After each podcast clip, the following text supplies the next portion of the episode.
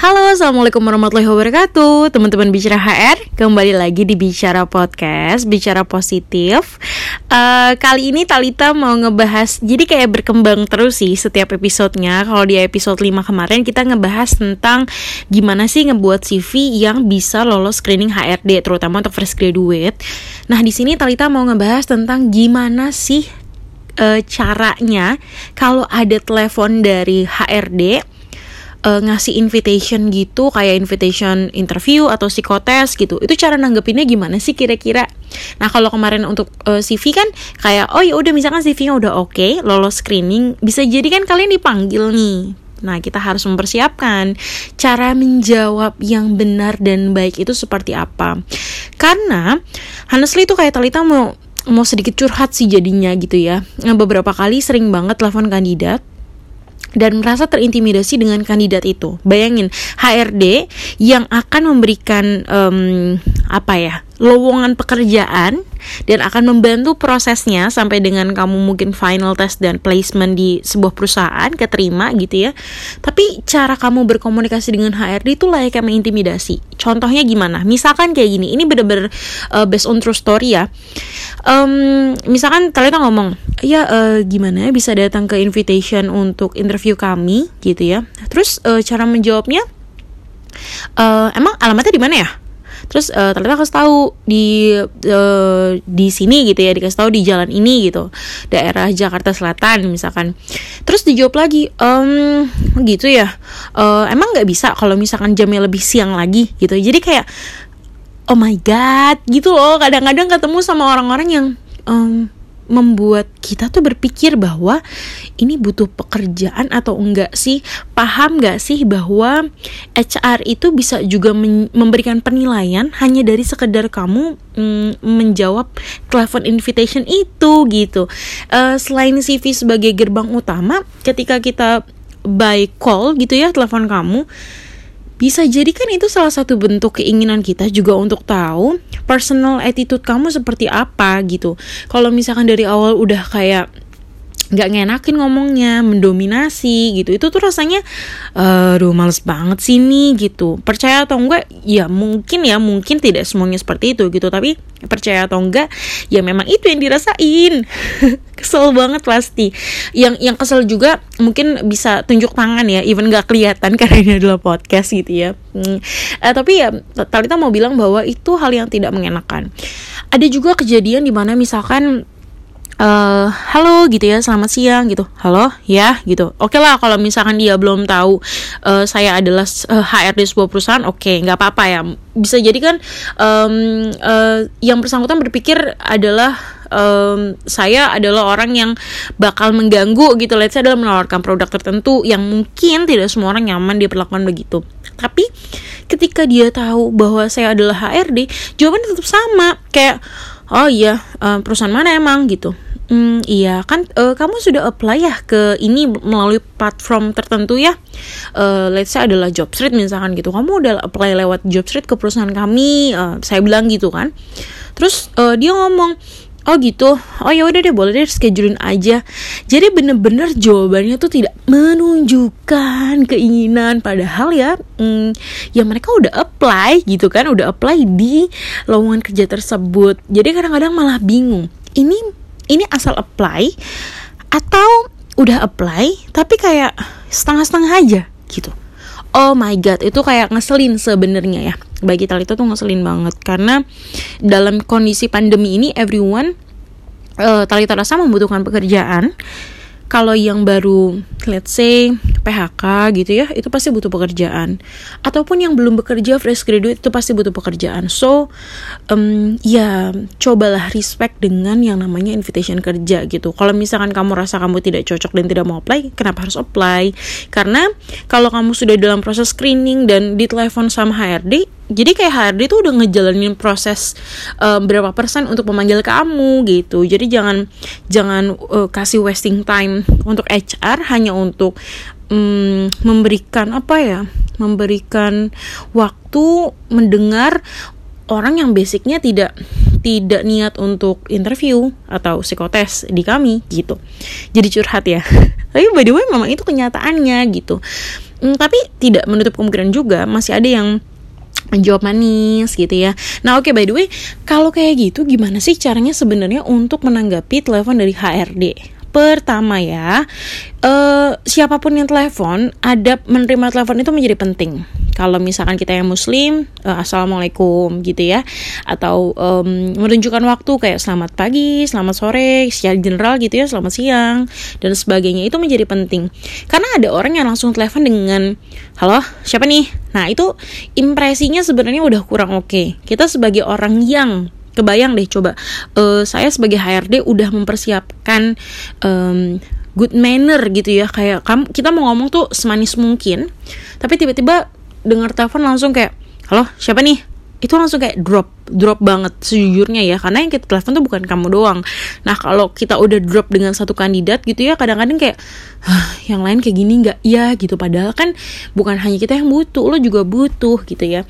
Jadi upayakan untuk membuka setiap telepon yang masuk. Bukan hanya dari HRD jadi kayak ya set behavior kamu untuk menjadi orang yang memang ramah gitu ya menjadi orang yang memang sopan santun mempunyai good attitude dengan cara apa kalau ada yang telepon ya jawab dengan sebaik mungkin dulu.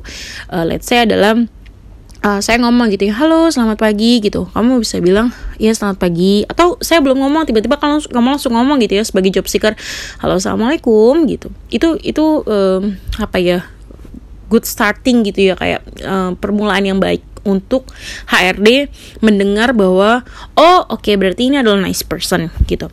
Nah yang kedua ketika kita memberikan uh, informasi nih um, biasanya saya akan ngomong, iya ini benar dengan um, Mbak A atau Mas A gitu. Uh, ya kita dapat uh, aplikasi lamaran kerja kamu nih melalui platform, contohnya misalkan di sini adalah Jobstreet gitu ya. Uh, untuk posisi ini Nah kita mau invite kamu nih untuk kebutuhan rekrutmen proses. Biasanya saya ngomong kayak gitu. kira kira-kira kamu ada waktu nggak ya untuk mengikuti proses rekrutmen di kami? Yang kedua yang harus kalian lakukan adalah menanggapi dengan sebaik mungkin pertanyaan HRD. Maksudnya gimana? Dalam kondisi kayak gini, kalau kalian ditanya, ya kira-kira ada waktu nggak ya? kalau memang ada waktu thanks God ya maksudnya waktunya sesuai uh, bisa ngomong bahwa oh iya ada waktu gimana? Kapan ya rencananya? Gitu. Itu bisa di, di, ditanggapi dengan smooth dan tunjukkan uh, apa ya kayak semangat kamu kalau memang kamu itu excited gitu. Kan suaranya orang yang excited dengan orang yang tidak excited tuh kedengeran ya. Meskipun kita nggak ketemu langsung tuh kedengeran gitu. Jadi contohnya gini, kalau misalkan kita excited gitu ya, iya kita mau mengadakan recruitment proses, kita mau menginvite kamu nih, eh, Mbak Talita gitu ya, kira-kira bisa nggak? Oh, oh iya Mbak boleh, e, kapan? Itu kan terdengar di kuping kayak, wah ini orang tuh excited ya dengan tawaran ini.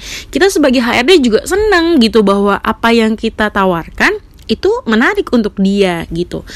Uh, dan tanggapannya baik. Kalau misalkan pun ternyata tidak bisa, ya um, ucapkan dengan baik juga uh, let's say udah terima kerja misalkan gitu. Bisa ucapkan dengan um, mbak mohon maaf sekali nih aduh um, meskipun ini tawaran yang menarik gitu ya tapi saya udah terima kerja jadi saya nggak bisa gitu. Itu juga boleh dilakukan jadi kayak um, bisa atau enggaknya kalian sebagai job seeker menerima invitation tersebut tapi ucapkanlah dengan yang tadi dengan kalimat yang baik nada yang baik dan tunjukkan um, excited tunjukkan kalian tertarik karena itu menjadi poin yang sangat penting buat HRD gitu ya jadi yang pertama tadi apa? Yang pertama adalah ucapkan salam. Jadi set behavior kalian untuk menjadi pribadi yang santun. Jadi kalau ngangkat telepon tuh nggak langsung ya, halo siapa nih gitu.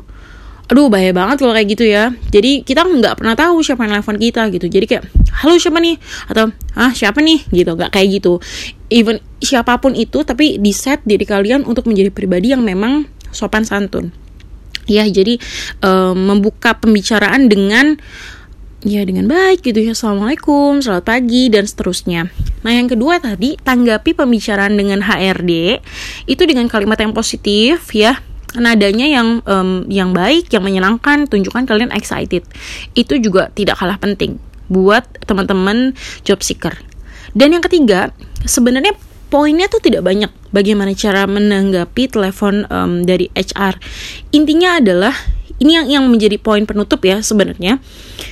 Kalian itu harus menunjukkan bahwa memiliki uh, sikap profesional untuk menanggapi sebuah invitation dan telepon dengan profesional.